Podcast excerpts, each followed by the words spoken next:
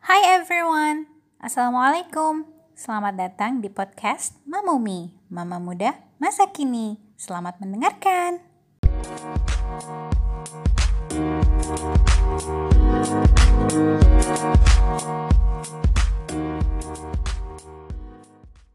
Aku penasaran nih, Kak Yuri kan tadi nyebutin malah dapat pengalaman hidup banyak banget nih. Salah satunya apa yang paling Hmm. yang paling berkesan? Yang bisa di-share ke kita apa? Kayak apa ya? Hmm, kan kalau itu sering banget ya. Aku nggak tahu ya, cuman aku tuh tipikal orang yang kalau dulu uh, diomongin ini ini terus langsung kayak oh iya kali ya iya gitu. Nah sekarang tuh kayak udah nggak peduli lagi gitu. Terus kayak kalau misalnya pasti ada aja lah kerja di mana aja ya. Aku akan bilang kerja di mana aja gitu. Kalau eh punya temen kerja cowok terus suka kayak goda-godain tapi itu kayak too far gitu terlalu jauh gitu. Dulu aku tuh kayak cuman ngehindar ngehindar. Kalau sekarang aku tuh bisa kayak yang kayak eh maunya apa? gitu. Gue nggak suka diginiin mau lu apa? kayak gitu. Dulu aku mungkin nggak nggak bisa gitu. Kalau Jadi- sekarang bisa. Jadi les bapernya berkurang, terus jadi malah bisa lebih berani nggak sih? Mm-mm. Kalau dulu tuh kayak aduh, udah deh diem aja, pergi aja gitu. Kalau sekarang enggak sih. Sama Banyakan- penerbangan. Walaupun itu eh, misalnya dia jab- jabatannya lebih tinggi ya gitu, kayak yang eh lu nggak sopan ya gitu. Kayak ya udah ngomong aja langsung kayak eh lu nggak sopan ya, nggak suka diginiin gini ini gitu. Kalau dulu pasti kayak yang ih ininya begini gitu. Udah deh jangan deket-deket aja gitu, tapi nggak ngomong gitu. Padahal itu juga nggak bagus kan. Terus selama penerbangan passenger yang kamu tanganin banyak, maksudnya lebih sering ke em, jamaah haji umroh atau yang selain itu?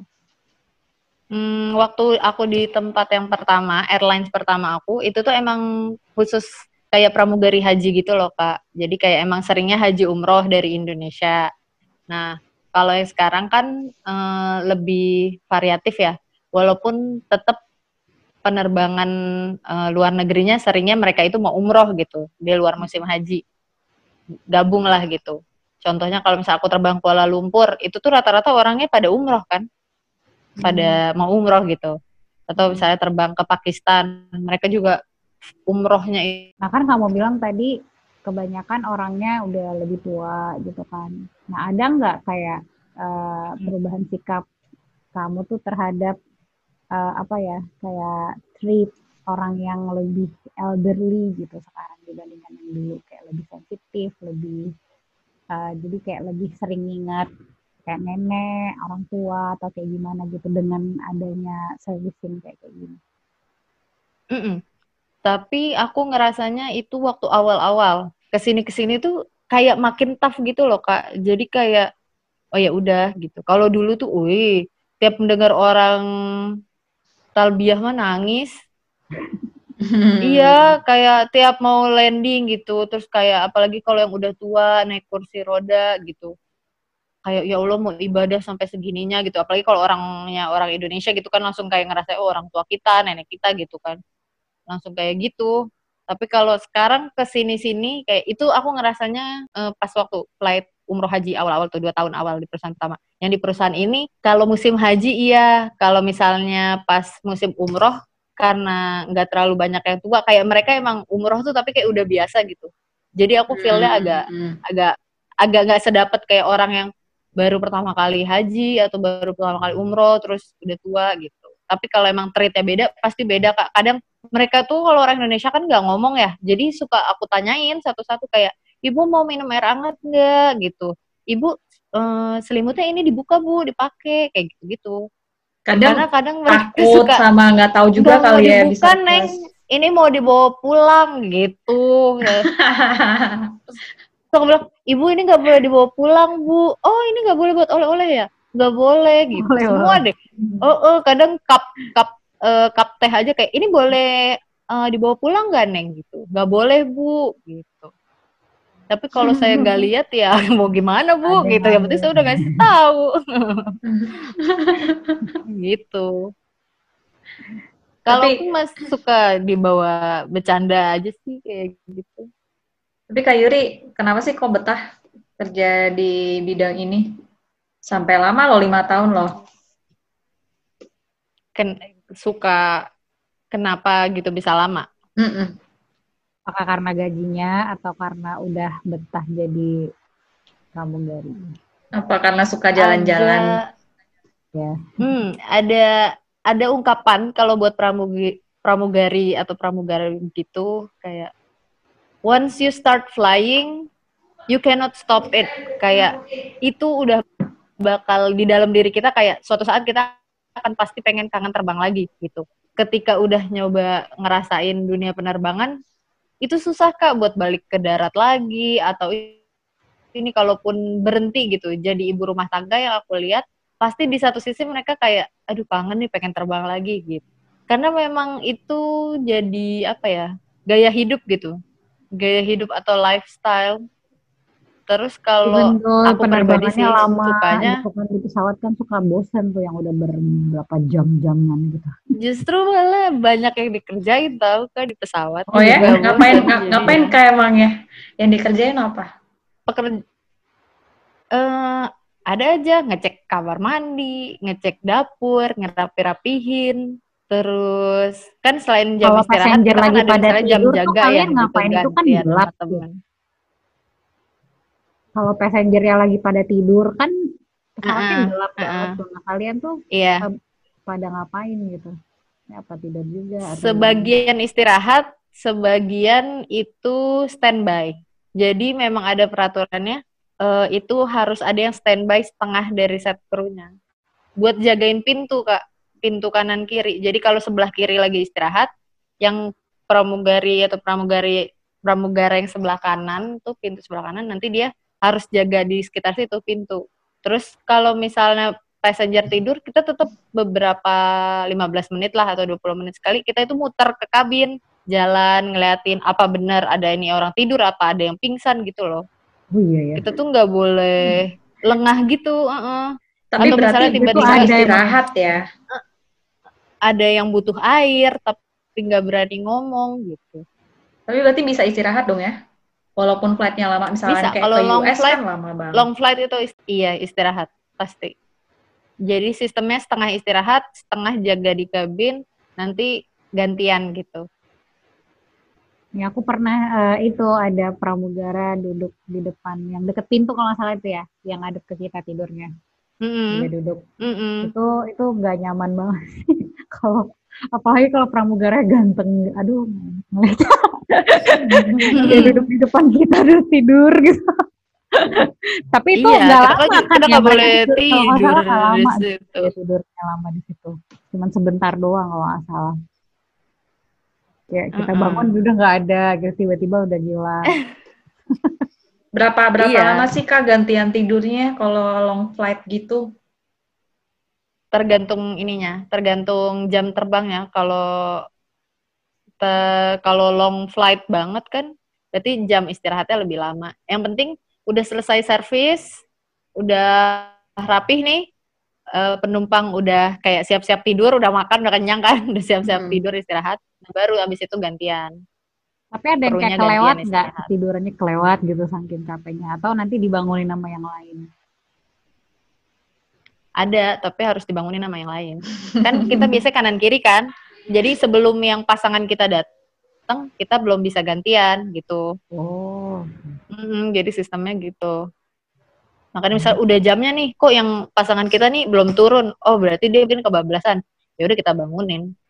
Hmm. Oh jadi kita ya karena dipasangin gitu lebih ke concern ke situ lah ya. Jadi kayak Iya. beraduk yang lain gitu ya. Mm-mm. Kak, kakak Itu bangga nggak sih jadi sih enaknya pramugari? kerja pramugari. Kakak bangga nggak jadi pramugari? Kalau aku tuh bingung tau kalau dibilang bangga yang proud banget, nggak juga karena aku ngerasa Biasa aja. nggak gampang juga gitu. Aku ngerasa nggak gampang juga buat buat keterima gitu. Kayak itu tuh ada unsur luck dan segala macemnya gitu. Kayak Rezeki ya. orang-orang gitu. Jadi kalau kalau dibilang bangga banget, aku kalau misalnya kayak ih sampai sombong gitu enggak juga sih. Cuman kalau seneng eh, dan menikmati, aku lumayan menikmati sih. Karena ini kan emang aku Nah, pengen kadang dari aku dulu ya. suka- Nah, suka ngelihat ini kalau Iya. ada grup nih yang istilahnya pramugari grup nih gitu. Kalau udah jalan kayak itu kayak kayak pageant gitu. Iya, aku aku termasuk orang yang kalau jalan tapi nggak nggak bisa yang kayak gitu kak. Itu balik lagi ke ini kak ke apa? Kali ya. Ke Oh. peraturan perusahaannya. Jadi kan setiap airlines itu dia ada image-nya. Kayak kalau eh, image misalnya yang airlines yang fly with fun itu, yang pramugarinya rambutnya biasanya berwarna, yang seragamnya merah gitu. Dia emang harus menunjukkan citra yang menyenangkan dan rame ramah gitu loh. Hmm. Ada nggak ya yang pakai sepatu cast gitu? Kayak pengen banget gitu. Tapi kan ada kak, pakai heels.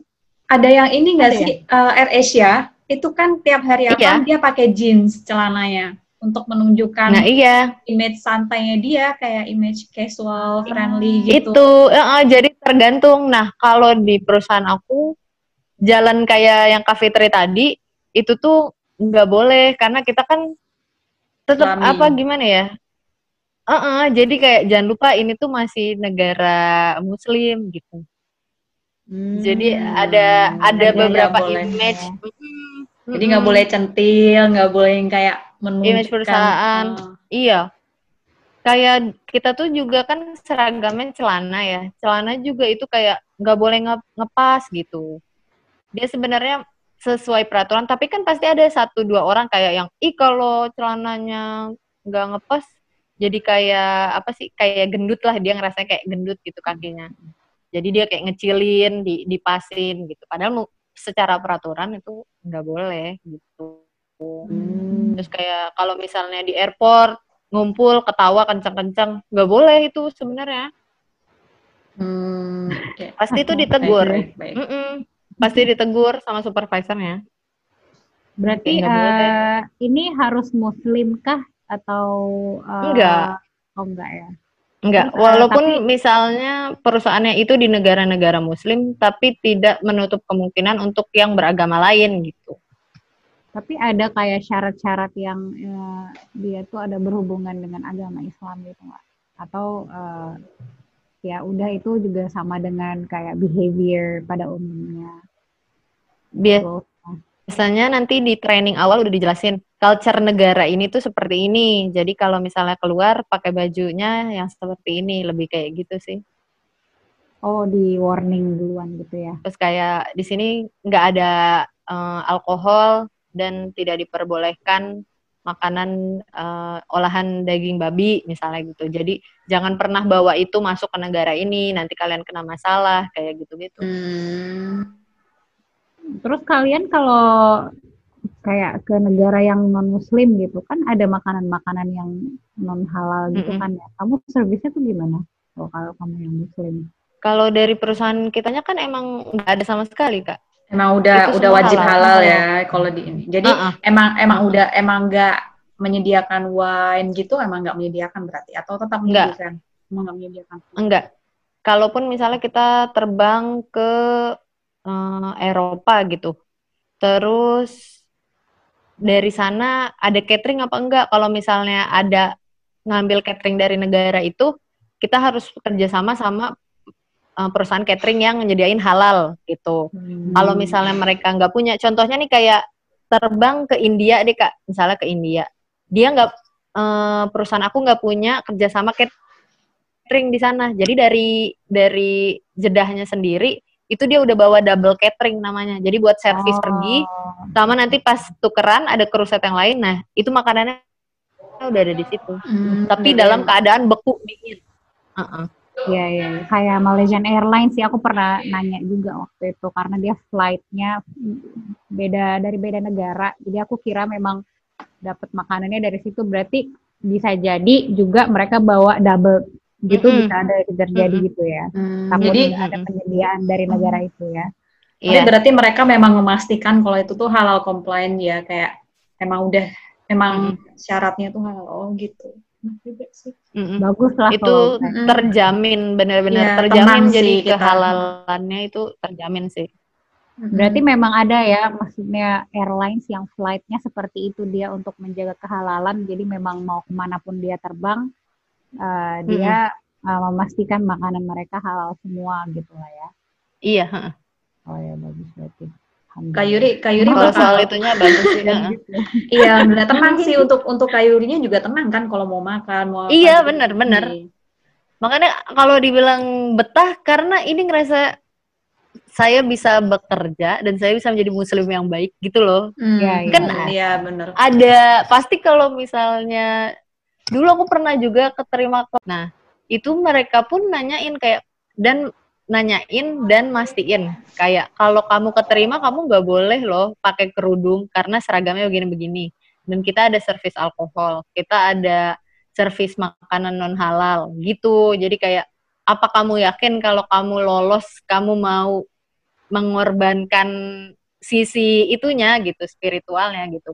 Karena jajaran manajerial yang eh, interview aku saat itu aku emang pakai kerudung gitu satu-satunya yang pakai kerudung dan dia nanyain lagi kayak kalau saya jadi orang tua kamu kalau nyari rezeki kayak gini kayak ada di satu sisi saya yang nggak bisa nerima gitu karena kamu harus lepas jilbab harus serving alkohol kayak gitu. Bahkan walaupun kamu lagi di bulan Ramadan kamu juga harus serving kayak gitu kalau emang penumpangnya minta gitu.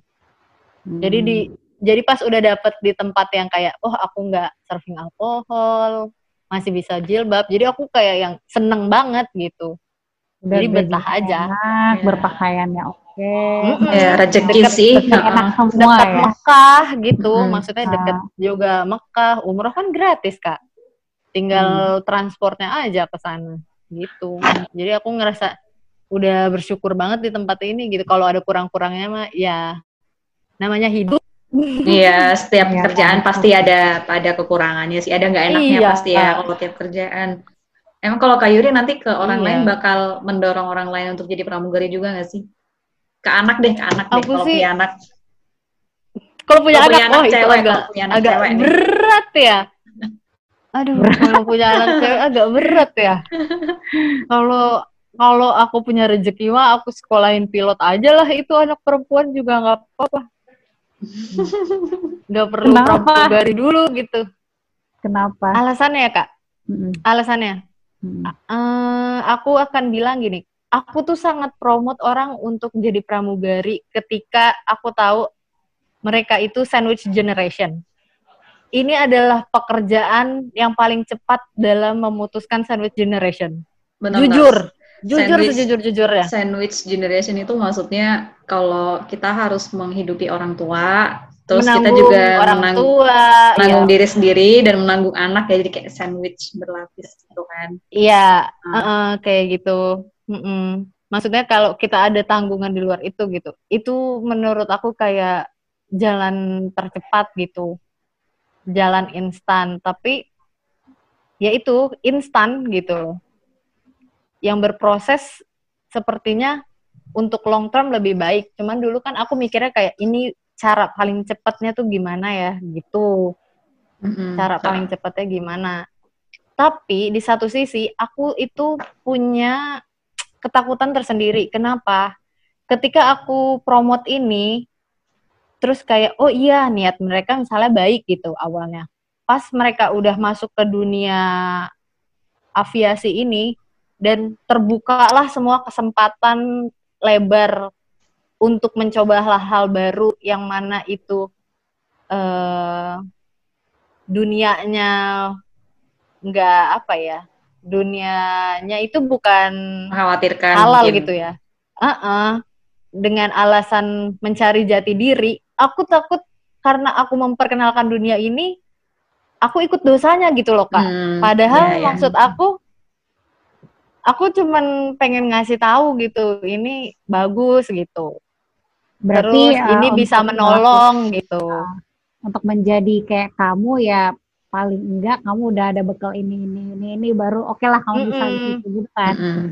Mm-mm, mm-mm. Ya, ya, ya. Karena Sama lah kayak Takut, istilahnya kayak Takut. kayak memutuskan misalnya aku pun terpikir misalnya nanti aku punya anak mau kuliah di luar negeri gitu ya nggak usah jauh-jauh Mm-mm. dari pramugari lah mm-mm. karena kan eh, kehidupan ketika dia sendiri dilepas gitu kan it's not easy misalnya Iya, dia udah betul.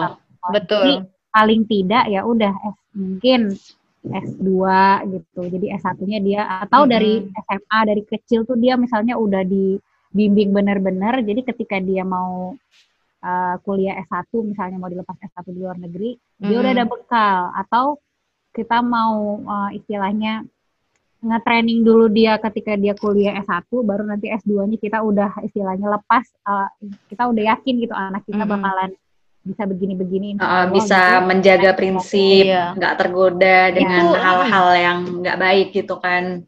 Ya, nggak itu boleh. walaupun aku nggak nggak menghakimi ya kadang kan ada orang harus ketemu yang salah dulu tobat nanti dia bisa lebih istiqomah ada kan yang kayak gitu ya tapi cuman kan nggak ada yang nggak satu mau sisi juga nggak tahu. iya aku Kalau- aku, aku aku tuh takutnya gitu loh kak sampai aduh ini anak orang udah baik-baik kita kasih ini Mm-mm. eh terus malah jadi melenceng kadang aku ya aku tuh suka mikir kayak aduh aku ngerasanya bersalah gitu sama orang tuanya gitu Kalau bisa Berdoa. dicegah kenapa Padahal maksud enggak aku gitu adalah- kan. Hmm, maksud aku adalah ini aku kasih jalan nih kalau kamu emang mau nyenengin orang tua begini gitu kan ya. Tapi ya itu aku kekhawatiran aku cuman itu sih. Padahal aku tuh aduh, seneng banget encourage kayak gini apalagi buat pra- apa ke perempuan-perempuan mau jadi pramugari gitu kan. Terus muslim karena ini juga kan deket sama Mekah ya kalau mau umroh atau haji susah. Ini kan gampang banget di sini gitu. Itu sih Kak. Berarti kalau misalnya ada yang nanya kamu untuk eh, istilahnya apa ya input atau apa untuk dia yang mau jadi pramugari, cara saran kamu ke dia gimana? Ya, aku kasih tahu aja step by stepnya semuanya dari buat interviewnya ini. Cuman aku biasanya ngasih tahu dari awal Eh, kan nanti kan kamu baru hati-hati kalau di ada nanti pramugara. Misalnya kamu lagi layover di negara mana, kamu harus hati-hati kalau misalnya dia bilang eh, mau minjem chargeran atau mau nuker duit atau mau bawain makanan ke kamar kamu, jangan pernah bukain pintu gitu. Kadang ada beberapa kejadian yang eh anak itu tuh emang nggak nggak badung gitu, cuman ada di satu tempat dan waktu yang salah, Terseret itu ya. bisa merusak Hmm. semuanya. Iya, itu bisa merusak Hmm. semuanya gitu. Jadi benar-benar harus dikasih tahu. Ada emang yang kayak, oh ya udah gampang gitu, karena emang dari sebelumnya misalnya emang udah nakal gitu. Dia pengen pramugari tuh biar ya udah nakal tapi nggak ketahuan orang tua gitu, tambah nggak ketahuan orang tua gitu. Menurut aku Ada yang kayak begitu? Ya udah, Oke. iya ada, ada yang kayak gitu. Ya, itu kan tapi kesempatan cheating di luar. Iya, iya benar Iya. sih. aku tuh bener-bener nikah. takut. Mm-mm, aku Hmm. bener-bener takut kalau yang emang ini tuh anak baik-baik dia mau masuk ini tuh untuk membantu orang tuanya gitu loh, membantu adiknya apa gimana gitu. Terus jadi salah langkah gitu. Itu doang kak. Hmm. Hmm. Nah, Berarti eh, apa banyak benteng yang harus dijaga ya kalau selama jadi godaannya gede juga. mm-mm. Iya. Bukan godaan secara langsung aja. Kadang yang nggak langsung yang kita nggak kepikiran itu sebenarnya ada gitu. Hmm. Oke. Jadi kita mau main game dulu nggak nih? Tengah-tengah Oh, di nih. tengah-tengah mau main game Ayo. Ayo, ayo.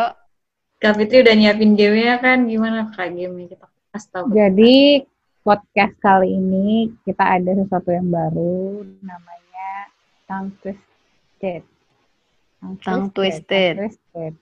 Ya. Mm-mm. Jadi eh, um, mungkin ada beberapa pendengar yang udah pernah tahu eh, games ini. Jadi nanti ada kata-kata yang mirip-mirip, terus dibaca tapi dengan level yang cepat gitu loh, Mm-mm. dua tiga kali. Nah di sini aku udah nyiapin um, uh, apa namanya perkataannya. Mm-mm. Ada dua bahasa, yang satu bahasa Indonesia dan yang satu lagi bahasa Hindi. Nah, nanti kita tiap orang kayaknya enaknya tiga kali kali ya, Bib ya. Biasanya sih tiga kali. Tiga kali Tiga bacanya. berarti nih. Ya, tiga kali bacanya.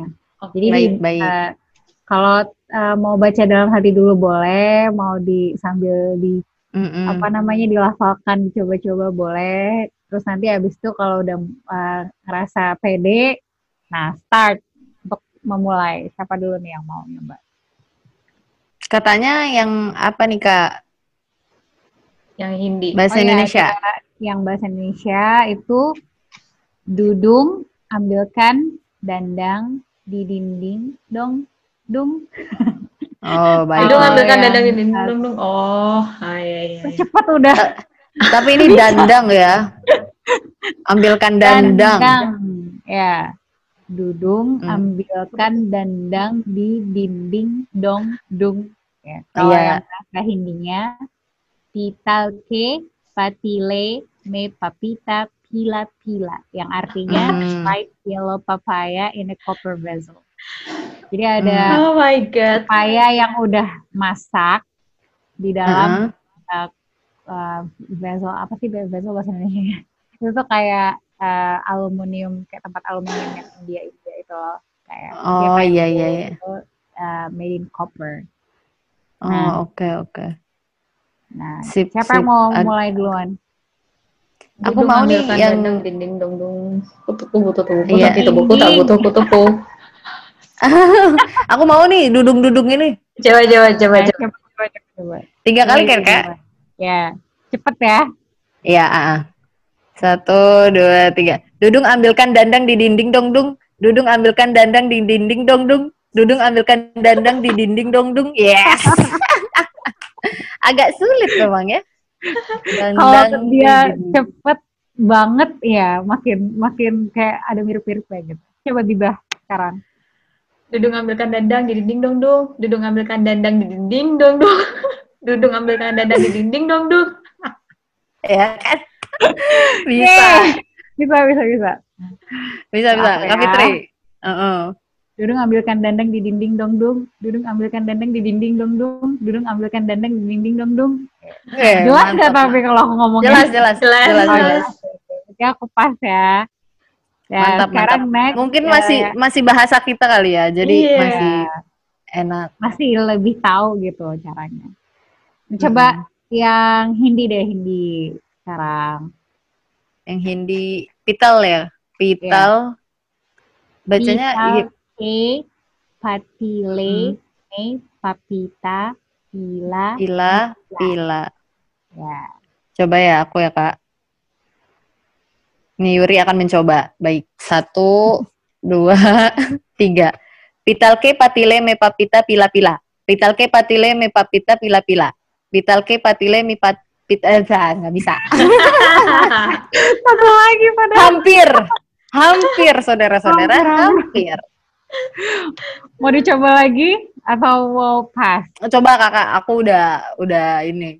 Berarti aku udah gagal. Aku dulu sebelum Kak Fitri nih. Ya. Kak Fitri Oh, iya, soalnya iya. bisa. Coba, Biba. Pitalke patileme papita pila pila. Pitalke patileme papita pila pila. Pitalke papit eh pitalke patil. Kan? Lebih sulit ya Biba ya? Iya. Lebih sulit kan? Mau dicoba lagi Biba? Pitalke patileme papita pila pila. Pitalke patileme papita pila pila. Pitalke patileme papita pila pila. Ini bener gak sih cara bacanya? Weh, Iya benar benar benar. Bisa, bisa. Nah, Itu bener ya bener, kak ya? bener. Patileme ya? Iya. Hmm. Semoga bener ya. Oke ya, coba ya. Pital ke patile mai papita pila pila. Pital ke Nah, Pital ke patile mai papita pila pila. Pital ke patile ma papita pila pila. Pital ke patile ma mai papita pila pila. Kayak ini deh, Habibah yang menang. Ini. yeay! Biba mengalahkan native speaker dari Iya. India. Wey. Aku yang ini. Eh, eh. Sama Ini mengejutkan Mama. ini. Selamat Eh, kepada keren, Habibah. Kapur. Selamat kepada Habibah Kapur. Aku sungguh bangga. Habibie Nabile Kapi Pupur. Oke, udah agak stretch. Seru juga kak, seru seru seru kak. ya Pas aku masuk, kamu pas kamu uh, jadi Itu. pramugari setelah nikah atau belum? sebelum Oh, Sebelum. Aku kan masuk itu umur 25 tahun mau ke 26 tahun ya, join jadi pramugari pertama kali. Kalau untuk orang Indonesia segitu udah umur-umur nikah kali ya. Tapi aku tuh dulu niat aku kayak enggak, enggak, aku akan nikah umur 30. Aku stablein dulu semuanya nih. Adik-adik aku sampai beres ini ini ini ini ini 30 aku nikah. Itu niat aku awalnya gitu. Hmm. Baru terbang selesai training terbang pertama kena lah aku eh Banyak kejadian lah, Kasus. gitu ya. mm-mm, kayak kasus yang tidak mengenakan dan baru tahu dunianya itu seperti ini gitu. Ih bahaya juga ya gitu. Akhirnya aku aku juga ngasih tahu nunjukin ke orang tua aku nih aku, jadi waktu kayak misal aku layover nih dapat nginep gitu kan. Nah terus ada deh tuh kayak yang nelpon nyoba-nyoba kayak eh minjem duit dong ini ini nuker rupiah kayak gitu-gitu. Nah terus eh, nanti gue ke kamar lu kayak gitu-gitu. Nah itu tuh ada orang tua aku, aku bilangin ini kayak gini selalu kejadian. Aku harus nikah. Jadi kalau aku layover di mana, suami aku datang, aku aman. Itu Oh, alasan aku nikah Hmm. pertama tuh itu. Pertama tuh Hmm. orang tua aku kayak yang kamu kan baru kerja kenapa udah nikah gitu. Dan di luar sana itu eh jujur sih kak aku kaget kalau pergaulan bebas itu segitu bebasnya gitu. Aku kaget sih sebenarnya waktu pas awal-awal. Karena aku nggak nggak kayak gitu gitu. Maksudnya kalaupun kuliah di Malaysia mungkin culture-nya masih culture Melayu gitu. Jadi pas kayak gitu aku kayak eh kaget gitu. Aku tuh sampai menganggap hal itu tuh biasa tapi nggak nggak ke aku gitu. Akhirnya setelah lama-lama mikir, udah tuh akhirnya aku cerita ke orang tua aku, ini tuh kayak gini, itu kayak udah membahayakan lah gitu. Kalau aku nggak punya suami tuh kayak itu akan menjadi apa ya sasaran gitu kayak oh nih anak belum nikah, oh ini ini gitu. Nanti kita ajak coba clubbing, nanti kita ajak coba ini kayak gitu-gitu. Jadi akhirnya aku memutuskan nikah sebelum satu tahun aku jadi pramugari itu. Nah, sebelum Tapi nikah nih, nikah jadi orang-orang tuh pada punya benteng ke kamu gitu ya. Iya, jadi mereka kayak balik lagi ke waktu itu kan aku awal-awal masih nggak enakan orangnya. Kayak yang tadi aku bilang, aku masih nggak yang eh eh ngapain ke sini kayak gitu-gitu aku belum berani. Jadi aku kayak aduh sorry ya, ada keluarga, aduh ini gitu. Masih alus gitu loh, Kak. Jadi aku ngerasanya kalau ada suami itu kayak oh pasti mereka akan lebih takut gitu. nah terus kan nih sebelum nikah nih, gimana tuh ngomongnya Hmm. sama calon suami? Ini kerjaanku pramugari, kita bakal jauhan loh, nggak ketemu tiap hari loh. Terus aku bakal ketemu banyak cowok, terus ya gitu gitu. Dengan kondisi itu gimana ngomongnya ke calon suami waktu itu? Kalau aku kan waktu itu udah dari awal maksudnya udah bilang ya. Karena udah nggak ada yang ditutup-tutupin, maksudnya ya udah udah bilang terus kayak gini. Gimana ya baiknya orang mau nikah juga kayak gitu kok. Kayak apa sih bukan sesuatu yang wah kayak yang kayaknya ini kalau kayak gini aku harus nikah deh. Kamu mau nggak nikahin aku? Coba. Kurang beruntung apa suami aku ditanya sama perempuan kayak gini. Kamu mau nggak nikahin aku? Iya Terus? kayak terus kayak yang iya kata oh gitu ya ya udah ntar aku tanya orang tua aku dulu gitu jadi kayak lebih Sayur yang minta apa ya mu- musyawarah mencapai mufakat Heeh. Terus Kayak- itu gimana dong? Ada kesepakatan Mm. khusus nggak? Ya udah nanti kita gimana gitu hubungannya? Maksudnya menjalani Mm-mm. rumah tangga dengan kondisi yang nggak yang nggak normal, nggak seperti orang lain gitu. Ada kesepakatan khusus nggak pembicaraan khusus tentang hal ini? Nah itu dia. Awalnya kan kita bilangnya pokoknya aku tuh mau menikah urgensi menikahnya karena ini loh gitu loh. Eh, terus kata dia oh ya udah misalnya. Bisa nih gitu. Tapi nanti karena aku masih punya tanggungan untuk keluargaku jadi aku harus kerja. Kerjanya itu kayak gini begini begini begini begini. Ya udah suami aku nerima kan. Terus tapi itu tuh karena emang flightnya banyak layovernya Indonesia waktu waktu airlines pertama aku itu dia emang uh, lebih seringnya itu ke Surabaya, Batam, Makassar, Palembang. Emang sering ke Indonesia ya? Jakarta, ya? Itu tuh. Ah, uh, uh, uh, umroh haji untuk Indonesia. Nah, jadi kayak satu bulan bisa dua kali ketemu gitu. Hmm. Dia datengin aja ke hotelnya gitu. Lumayan lah sekalian honeymoon gratis gitu kan. Terus oh ya udah deh gitu kan masih bisa ketemu. Dan itu kan waktu itu haji kontraknya tiga bulan. Jadi kalau pramugari haji kontrak tiga bulan. Abis itu dikasih pilihan mau lanjut apa enggak gitu. Nah selama aku dua tahun awal di perusahaan itu, aku tuh sempet kayak yang kerja tiga bulan, di rumahnya empat bulan, terus terbang lagi tiga bulan gitu. Jadi fleksibel banget. Jadi suami sekarang, aku juga nggak masalah. Kalau sekarang di airlines kalau gede? Kalau airlines sekarang kan airlines besar ya. Jadi waktu itu adalah pertamanya pengennya itu sampai aku bisa Jakarta base. Jakarta base tuh berarti aku kerja sama airlines itu, tapi aku tinggalnya di Jakarta gitu. Flight aku home base-nya itu di Jakarta. Jadi nggak di Jeddah. Nah, tapi kan itu belum ya. Jadi dia kayak semacam ada antriannya itu. Tapi tujuan kita tuh sampai situ gitu loh, sampai dapat Jakarta base. Karena belum, tiap bulan itu aku biasanya ada flight salah satu ke Asia. Jadi suami aku yang datang. Kalau misalnya aku nggak dapet flight yang negaranya deket kayak Kuala atau Singapura, nanti aku yang pulang ke Indonesia karena kan aku juga dapet tiket pegawai terus ada libur yang bisa aku atur gitu kayak lima hari tujuh hari dalam satu bulan pulang ke Indonesia gitu hmm. jadi pasti minimal sebulan sekali atau sebulan setengah sekali itu pasti ketemu nanti kalau punya sih. anak uh, gimana hmm, itu atau juga mau lanjut atau gimana hmm kalau punya anak, sebenarnya kan itu tadi targetnya. Kalau udah di Jakarta base punya anak enak banget karena dalam satu bulan terbangnya itu cuman kayak 4-5 kali tektok gitu loh kak. Hmm. Soalnya Jakarta Riyadh, abis itu di Riyadh semalam nanti Riyadh uh, Jakarta gitu. Udah lima kali aja sebulan kayak gitu terbangnya. Jadi sisanya itu ya bisa ngurus rumah segala macam. Karena aku masih statusnya masih di Jeddah, kalaupun misalnya mau hamil punya anak ya bisa aja nanti kan dia dapat cuti hamil melahirkan kan berapa lama tuh cutinya setahun setahun. Oh lumayan sih. Kalau hamil dari dari hamil berapa bulan cuti dikasihnya? Harus kita itu harus declare sebelum minggu ke tujuh ya.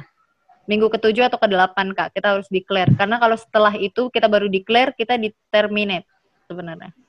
Hmm. karena itu hmm. membahayakan membahayakan buat si ibunya dan janinnya. Jadi pas kita mau declare itu harus sebelum itu udah setelah declare itu kita nggak terbang lagi ya langsung cuti sampai Enggak. tahun ke depan gitu Mm -mm, mm -mm. Tapi itu juga sama jatuhnya kayak pemutusan kontrak ini jatuhnya hmm, kontrak. Cuti nggak dibayar gitulah. Enggak.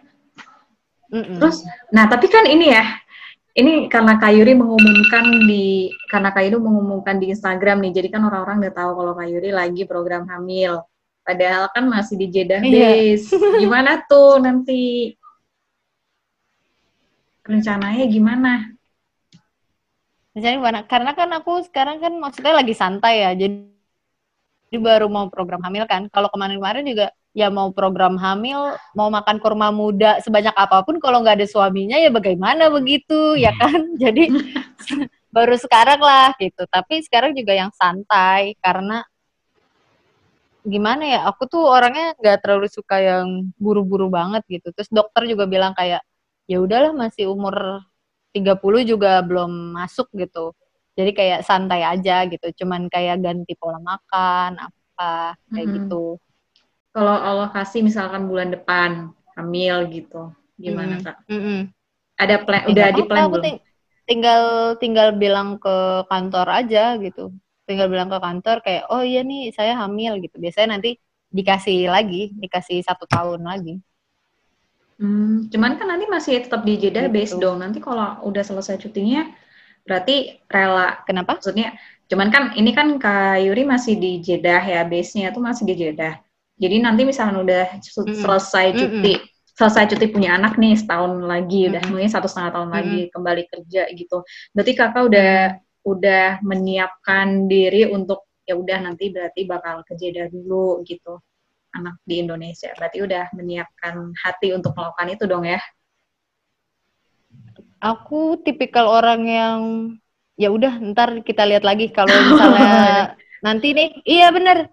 Karena aku dari dulu tuh orangnya long plan tapi ternyata dipatahin di tengah terus. Beda-beda Jadi ya jadinya. sekarang nggak mau kayak gitu. Mm-mm. Ah, ah, jadi aku sekarang nggak mau kayak gitu. Terus suami aku juga bilangnya ya udah jangan kayak gitu malah ntar tambah stres. Kalau emang eh nanti planningnya jadi gimana ya kita adaptasikan saja Hmm, iya Nanti. Sama misalnya nih- gitu orangnya. Mm-mm. Terus udah udah satu tahun misalnya, terus balik lagi harus ke Jeddah gitu. Ya lihat aja sebulan kalau emang nangis terus gitu kan, inget anak terus, ya resign lah. Iya benar juga sih. Tapi Mm-mm. eh, kamu apa masih ada kayak harus menanggung keluarga sama adik-adik sampai hari ini?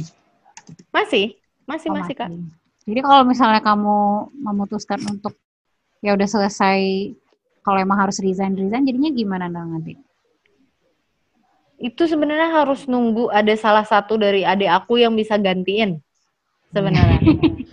Bener. Jadi kita itu harus ganti. Iya harus ada yang ya, nerusin kayak- nerusin cari nafkah untuk Ah, a- rumah. aku nunggu nunggu ngasih tongkat estafetnya aja nih gitu. Nah untuk sementara masih di aku, tapi karena aku lagi kayak gini kan jatuhnya suspended kontrak kan, jadi aku nggak bisa kayak biasa. Aku dibantu sama ada yang di bawah aku gitu. Jadi kita barengan. Berarti Secara udah udah siap-siap lah ya, agak- maksudnya koordinasi sama Ya, secara koordinasi untuk eh, apa? Kasih tongkat estafet itu sebenarnya sudah ada. udah. Tapi berarti udah berarti keluarga keluarga Kayuri, maksudnya keluarga orang tua dan adik-adik Kayuri berarti udah dari kadang kan ada nih keluarga yang pingin cepat punya cucu atau punya keponakan. Tapi Enggak. ada juga yang enggak, Enggak. gitu. Kalau keluarga Kayuri Enggak. berarti enggak ya, lebih nyantai ya. nyantai karena mereka juga tahu kalau misalnya nih aku langsung punya anak dulu ya gitu kan. Sebenarnya dulu keluarga aku agak khawatir juga, oh kalau langsung punya anak gimana nih gitu kan. Karena Hmm, agak jagain sulit ya? juga gitu. eh karena pilihannya pasti siapa yang jagain atau aku resign gini. Aku resign gak ada pemasukan atau aku kerja tapi jauh dari anak gitu. Mm-mm. Itu Susah kan kayak berat sih. ya. Dua-duanya Susah. sangat berat sih. Jadi- Heeh. Ah, ah, jadi dulu tuh kayak ya udah mungkin santai aja lah gitu kan. Nah kalau sekarang-sekarang kan maksudnya di bawah aku ada aku juga udah kerja gitu. Jadi udah mulai masih udah mulai bisa menata gitu. Kalau dulu-dulu itu kayak wah agak sulit memang. Tapi alhamdulillah udah Jadi ya Udah- udah apa santai. namanya suka Pusing ya antara yang ini atau yang itu kalau udah ada istilahnya masih harus nanggung Mm-mm. kitanya jadi salah satu tulang punggung keluarga tuh suka gimana gitu ya. Mm-mm. Kalau mau dibebanin Hmm. sama suami juga nggak mungkin ya kan. Harusnya sih, oh Itu punya bener, ini Kak. sih Itu punya bener. punya sibling laki-laki nggak sih? Punya, aku ada dua sibling laki-laki, satu perempuan. masih kecil ya kayaknya ya. Hmm. Masih sekolah. Ya yang nggak sih? perempuan masih Yang- kecil. yang Iya, cowok. Perempuan yang perempuan masih kecil.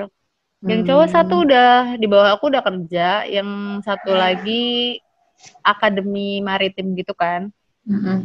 Baru baru eh, lulus banget. Jadi dia belum ujian negara lagi. Gitu. Kalau sekolah maritim tuh beda beda sih kayak kuliah umum gitu. Iya ya. Ter, ter- jadi kepikiran gitu istilahnya kalau kita orang tua yang mungkin bisnis tapi ternyata nggak seterusnya bisa berjalan sampai di Mm-mm. hari tua kita gitu kan jadinya anak-anak yang nanggung jadi memiliki dilema yang kayak gini terkadang mau dilepas nggak mungkin juga karena orang tua kalau tapi kita Mm-mm. di sisi lain punya keluarga jadi kayak Mm-mm. bisa juga kayak gitu ya Iya, tapi maksudnya Bersyukur. alhamdulillahnya kompak terus alhamdulillahnya mungkin karena itu juga aku jadi kayak bener-bener ibadah tuh gampang gitu loh Kak, digampangin gitu.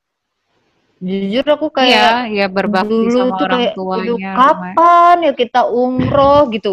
Kapan ya kita umroh? Eh, totonya keterima ini kayak, ih gampang banget gitu kan. Kayak tiap bulan ini mau pergi juga asal ada waktunya bisa aja gitu. Jadi aku ngerasa kayak ya udah gitu. Ya mungkin itu salah satu balasan dari Allah juga kak karena kakak mikirin orang tua maksudnya membantu orang tua gitu. Insya Allah kak aku doain nih. Oh, bener-bener jadi kayaknya maksudnya surga. Allah maha adil lah gitu. Amin. itu ganjarannya Amin, gede tau kak amin. ini. Bagus banget membantu orang tua.